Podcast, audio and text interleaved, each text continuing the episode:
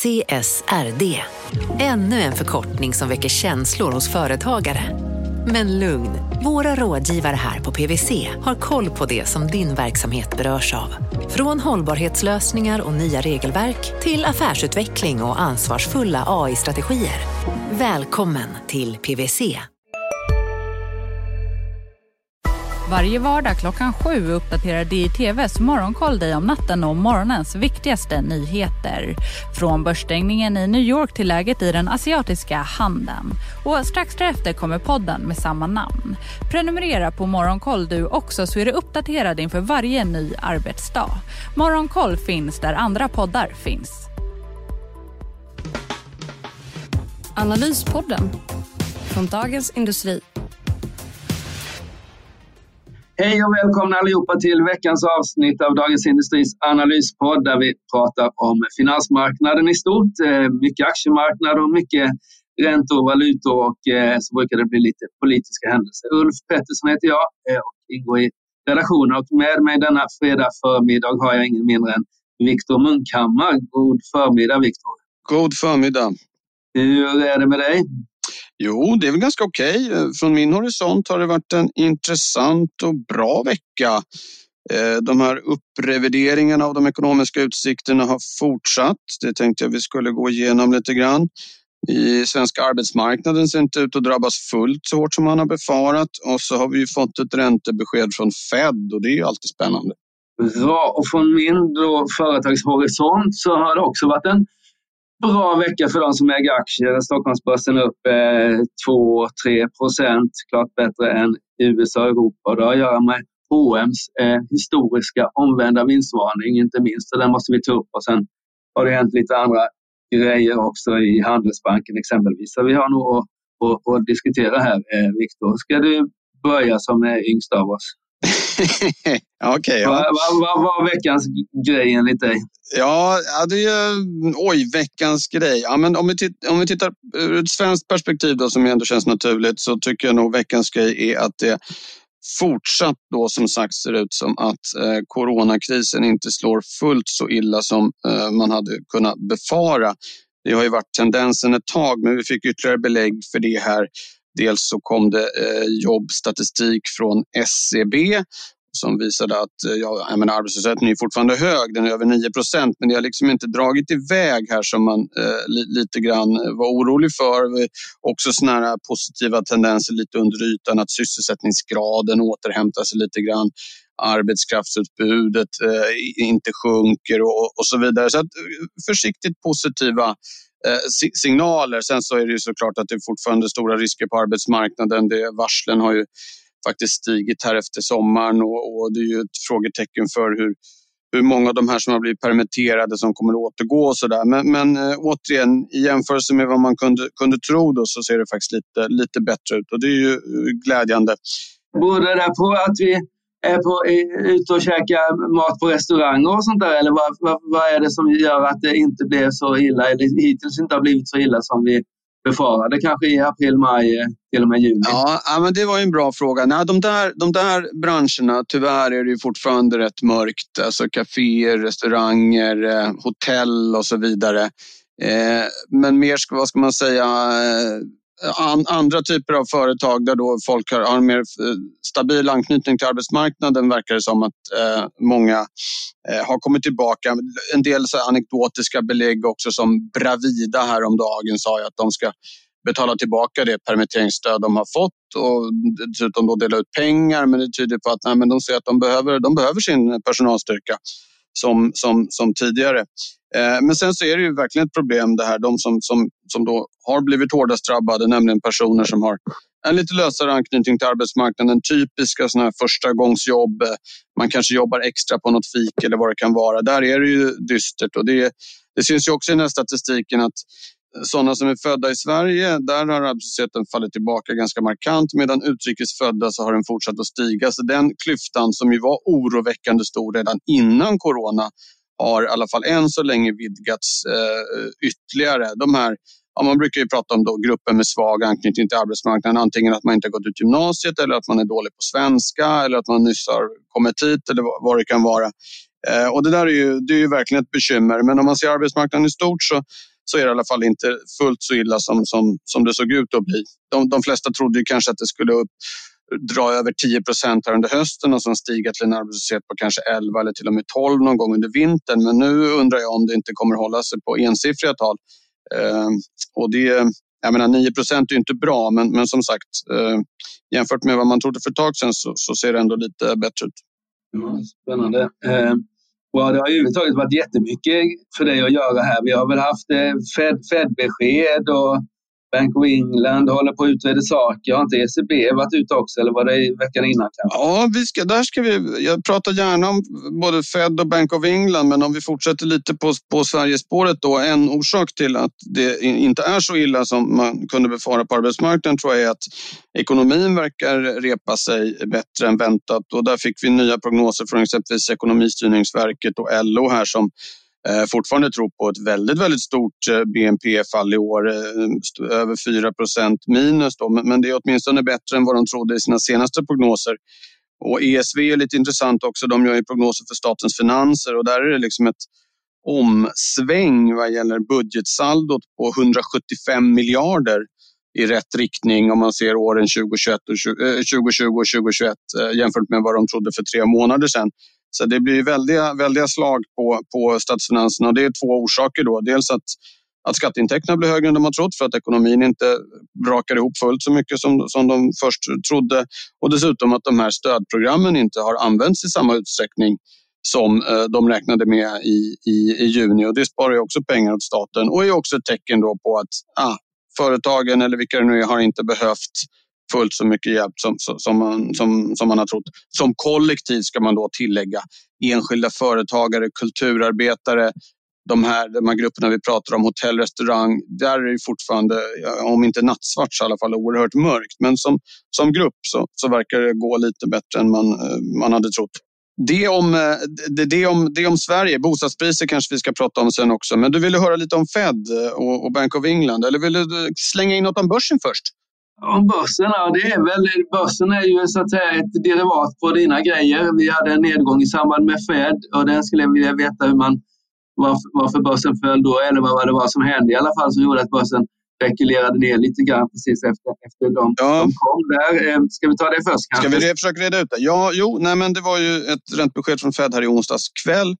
Eh, och eh, ja, jag håller med dig. Lite konstigt. Jag tror orsaken till att börserna reagerade lite surt på det var att det fanns någon slags förväntan om att de skulle öka på eh, de här eh, köpen av räntepapper. Men de behölls då oförändrade på 120 miljarder dollar i, i, i månaden. Eh, och där var det möjligen en liten besvikelse, men jag tycker det går inte att säga annat än att det var ett väldigt mjukt besked från, från Federal Reserve. Det var ju första räntebeskedet efter att de ändrade sin målformulering. De ska ju numera försöka få inflationen att vara 2% i genomsnitt över tid snarare än att i varje läge sikta på, på 2 och Eftersom vi kommer från en period då Ja, sen Fed införde ett explicit 2% mål 2012 så har inflationen i USA varit 1,4 procent. Så de har mycket att ta igen då om de tänker så ett snitt på 2 procent, vilket det nu är ambitionen då.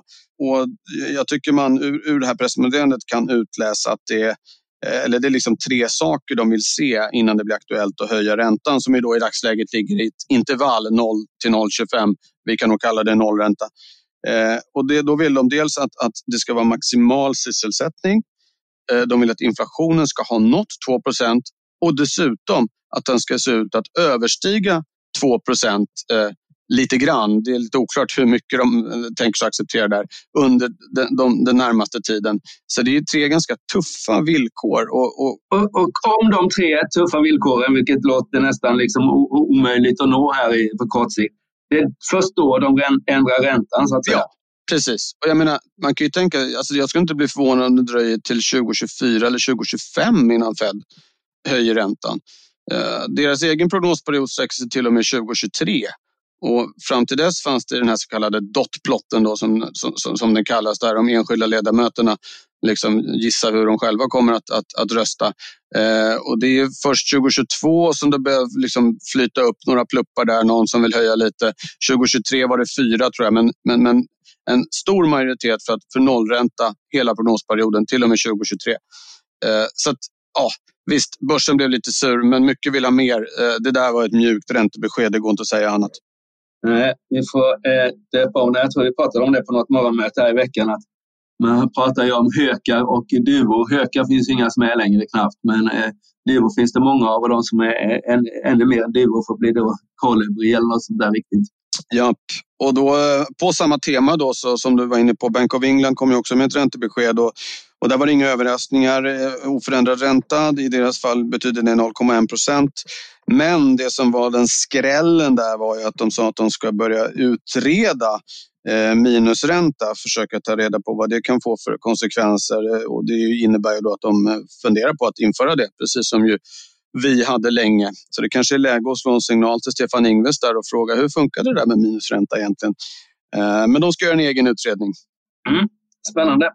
Ja, över till börsen då. Så har, har, visst, börsen föll lite precis på Fed-beskedet, men det var ju inte början på någon ny trend. Och tittar man bara i veckan här så är faktiskt eh, Standard Poor's upp eh, en halv procent eller något sånt där. Så det var ju inga, inga det var en väldigt kortvarig och inte beständig effekt där. Annars så tycker jag att det har varit en väldigt intressant vecka på börsen. Stockholmsbörsen har gått upp två, drygt 2 procent, nästan 3 procent. Bäst, bäst i, ligger bra till jämfört med Europa och eh, USA den här veckan. Eh, har att göra med Handelsbanken som toppade vår tidning här. Jag vet inte hur många sidor vi gjorde på Handelsbanken. Där.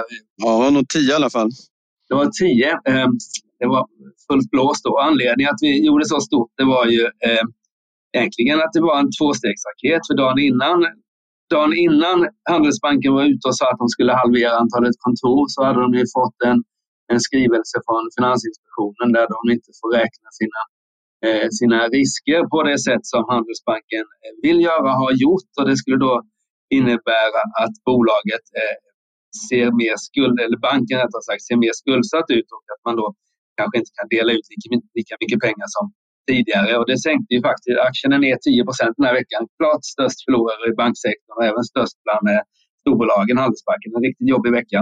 Och då hade de ändå en, i alla fall initialt en positiv effekt på det stora nyheten som kom dagen efter Finansinspektionsnyheten. Det var nämligen att de ska halvera antalet kontor och de ska inte dela ut några pengar till sin personalstiftelse Oktogonen längre. Och det anledningen att vi gjorde så många sidor på det är ju att det faktiskt är en, en väldigt stor händelse. Handelsbanken har ju stuckit ut genom den egentligen 70-talet när Wallander var, tog över där som en eh, lite speciell ankunge i bankdammen. Eh, men nu verkar de bli som de andra bankerna, få kontor, en personalstiftelse som inte är lika stark som, som tidigare. Och eh, aktiemarknaden gillar ju det där, för om, om, om det blir så att säga, eh, man har väl inte sett något värde i bankkontoren utan snarare sett det som en kostnad. Och Eh, Handelsbanken sa ju själv att man skulle spara en miljard på det där. Eh, så det är en väg att gå. Eh, vi får se hur det blir. Det, det... Kulturrevolution, det har väl varit Precis. väldigt mycket deras signum det här att de ska finnas nära kunderna. Från varje kyrktorn ska man kunna se ett handelsbankskontor. inte det någon sån där gammalt motto? Jo, precis. Och eh, jag kommer ihåg när var, det var nog 2000 14 eller 15 när Boman var VD fortfarande och det var, då var ju liksom alla bankkontor ska ha, ska ha kontanter. Eh, det försvann ju. Så det är, det är mycket liksom. De, det är en kulturrevolution och frågan är om, om vad det betyder för banken om de så att säga eh, kommer tappa kunder här. Att de har då fått kunder genom åren som har velat gå det är allt som vi människor drömmer om, fast också det vi typ hatar. 2021 är Paradise Hotel Sveriges mest omtalade dokusåpa. Skandalerna, festerna, profilerna har avlöst varann. Men den här gången ska något hända som hotar hela programmets existens. Det kan ha skett ett brott här. Jag blev påverkad av produktionen som ville att jag skulle vara tyst och inte prata mer om detta. Nu släpps Expressen Dock, skandalen i paradiset. Lyssna i Expressens app och där poddar finns.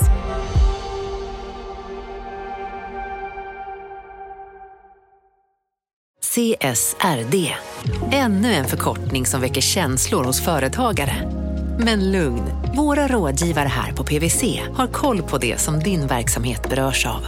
Från hållbarhetslösningar och nya regelverk till affärsutveckling och ansvarsfulla AI-strategier. Välkommen till PWC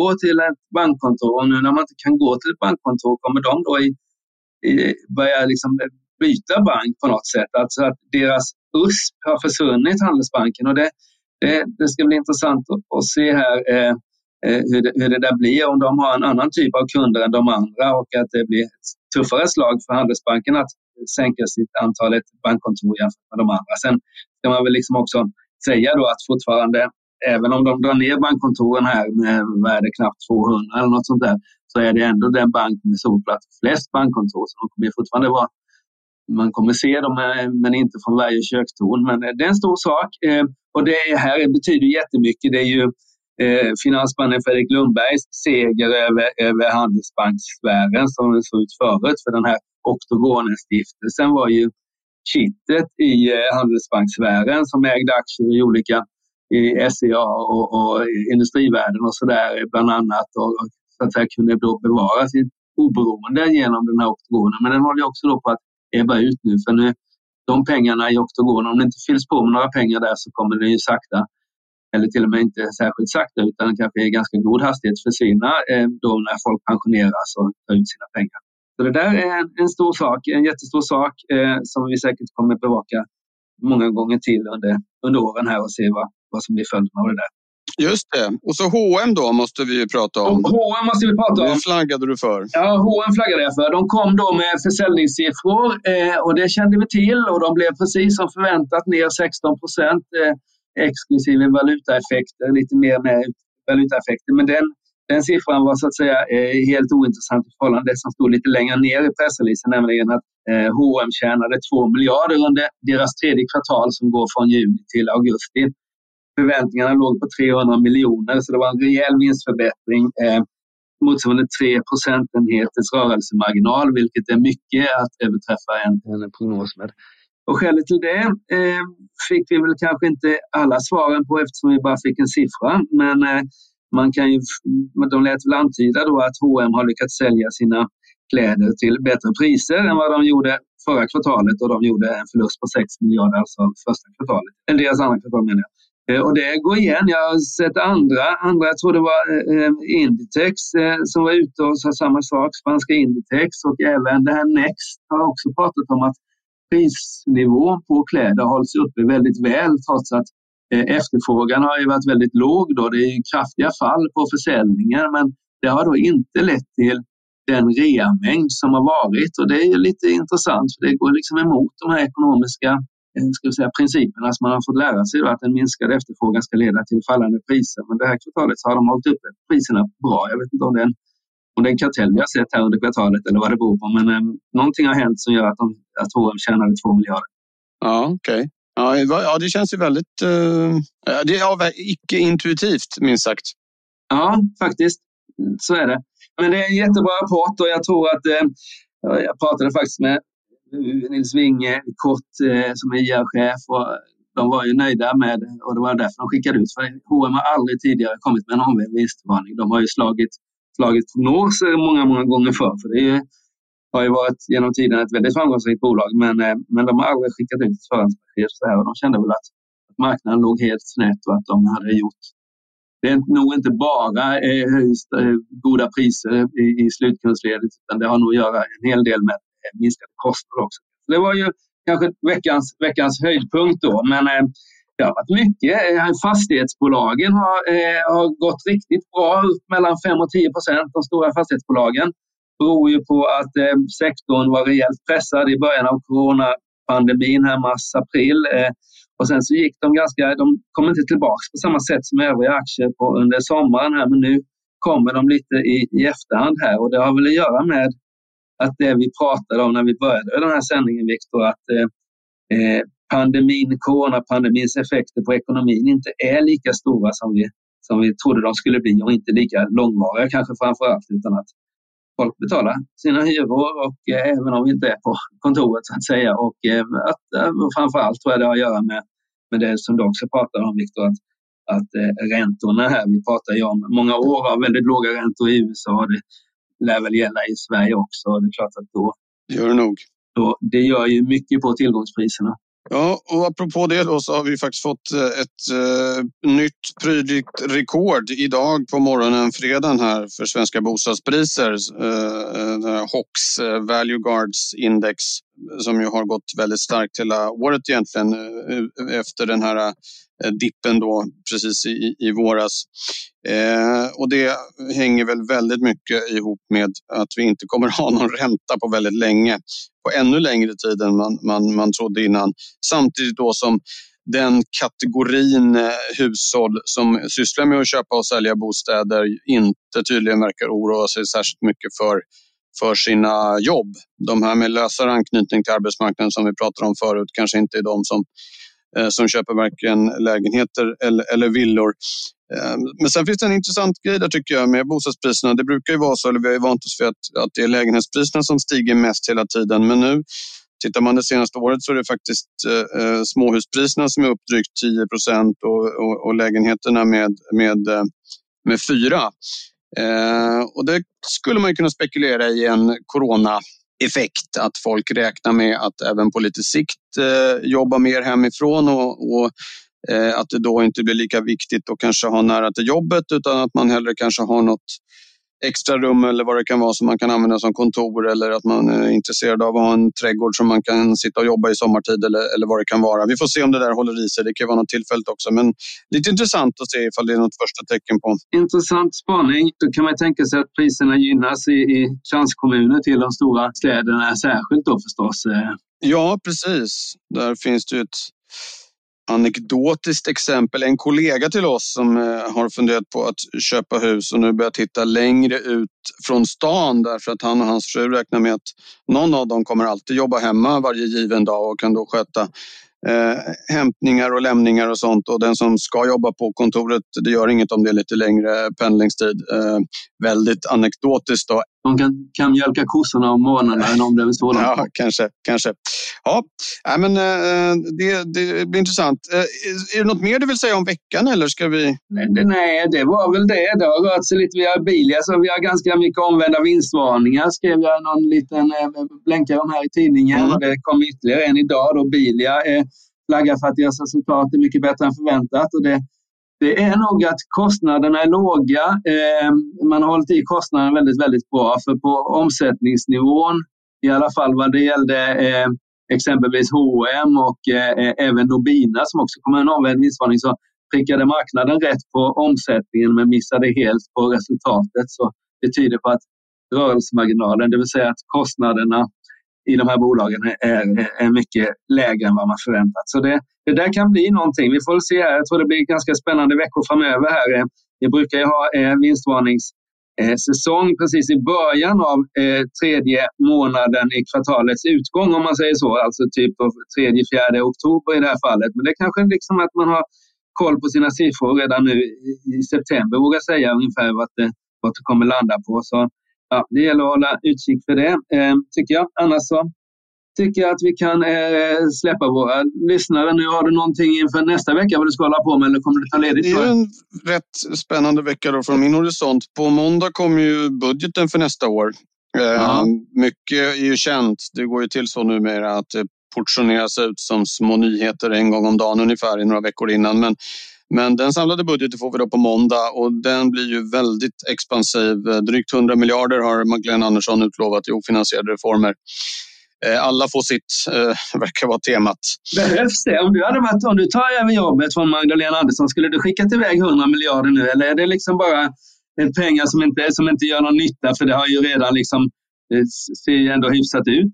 Ja, det, det är många, många, många bankekonomer tycker att det är lite överdrivet eftersom återhämtningen har ju eh, kommit här. Sen så, jag tycker nog att det är rätt med en expansiv budget. Sen om det ska vara 100 miljarder eller något lite mindre kanske inte. Men framförallt så eh, Eh, är det väl bra om man försöker använda de pengarna, hur många de nu är, kronorna, eh, på bra saker. Nu är det väl lite tendens då att eh, eh, med corona som någon slags ja, ursäkt eller vad man ska kalla det så har alla möjliga eh, små favoritprojekt eh, kunnat eh, liksom, drivas igenom och maskerade som coronastimulans. Eh, och det gör det ju såklart mycket lättare i en, i en budgetförhandling där ju fyra partier är inblandade. Så att, eh, det, det, är väl kanske det som är risken, att man sprätter ut pengar på både ditten och datten snarare än att, och göra det på sånt som verkligen är, är, är vettigt. Men eh, det får vi veta, veta mer om på måndag. Då. Precis. Det, det, är, det är ingen budget för att eh, rädda oss från coronan utan för att rädda regeringen kan man väl säga då? Eller? Ja, om man drar eh, lite, lite, lite spetsigt sagt så ja, så skulle man kanske kunna säga.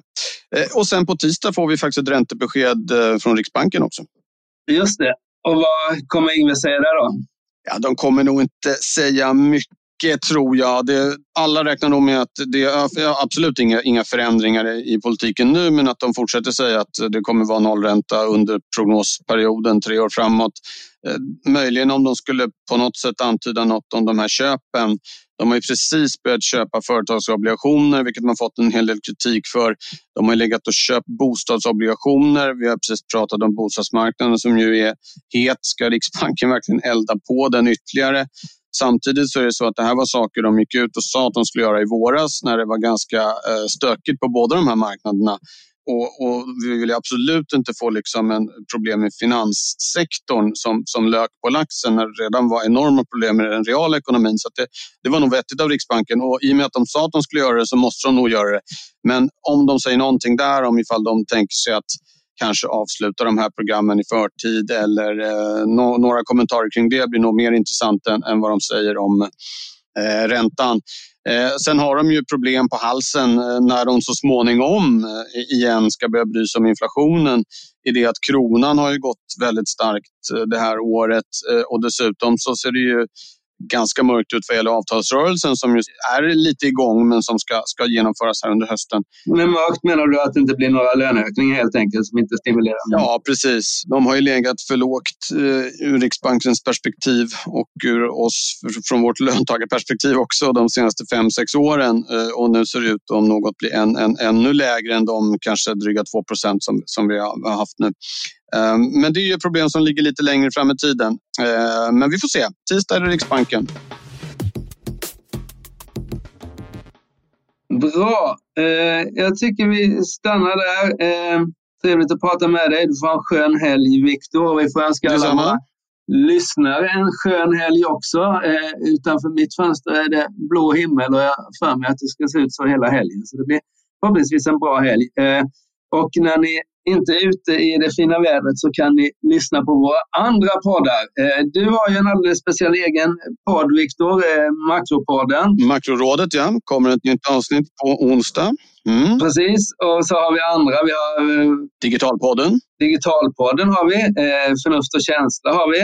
Ja, och så dagliga poddar. Morgonkoll och Ekonomistudion. Vi har, vi har så det räcker och blir Bra! Eh, tack så mycket för att ni lyssnade. Jag hoppas ni har uppskattat vårt samtal. Eh, ni får en skön fredag. Ulf Pettersson heter jag.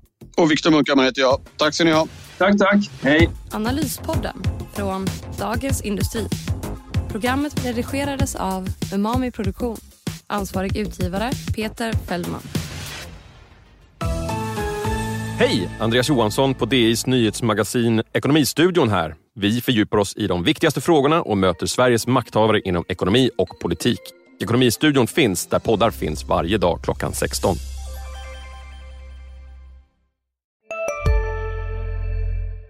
CSRD, ännu en förkortning som väcker känslor hos företagare. Men lugn, våra rådgivare här på PWC har koll på det som din verksamhet berörs av. Från hållbarhetslösningar och nya regelverk till affärsutveckling och ansvarsfulla AI-strategier. Välkommen till PWC. Det där var för att uppmärksamma er på att McDonalds nu ger fina deals i sin app till alla som slänger sin takeaway förpackning på rätt ställe. Även om skräpet kommer från andra snabbmatsrestauranger som exempelvis Mac eller till exempel Burger...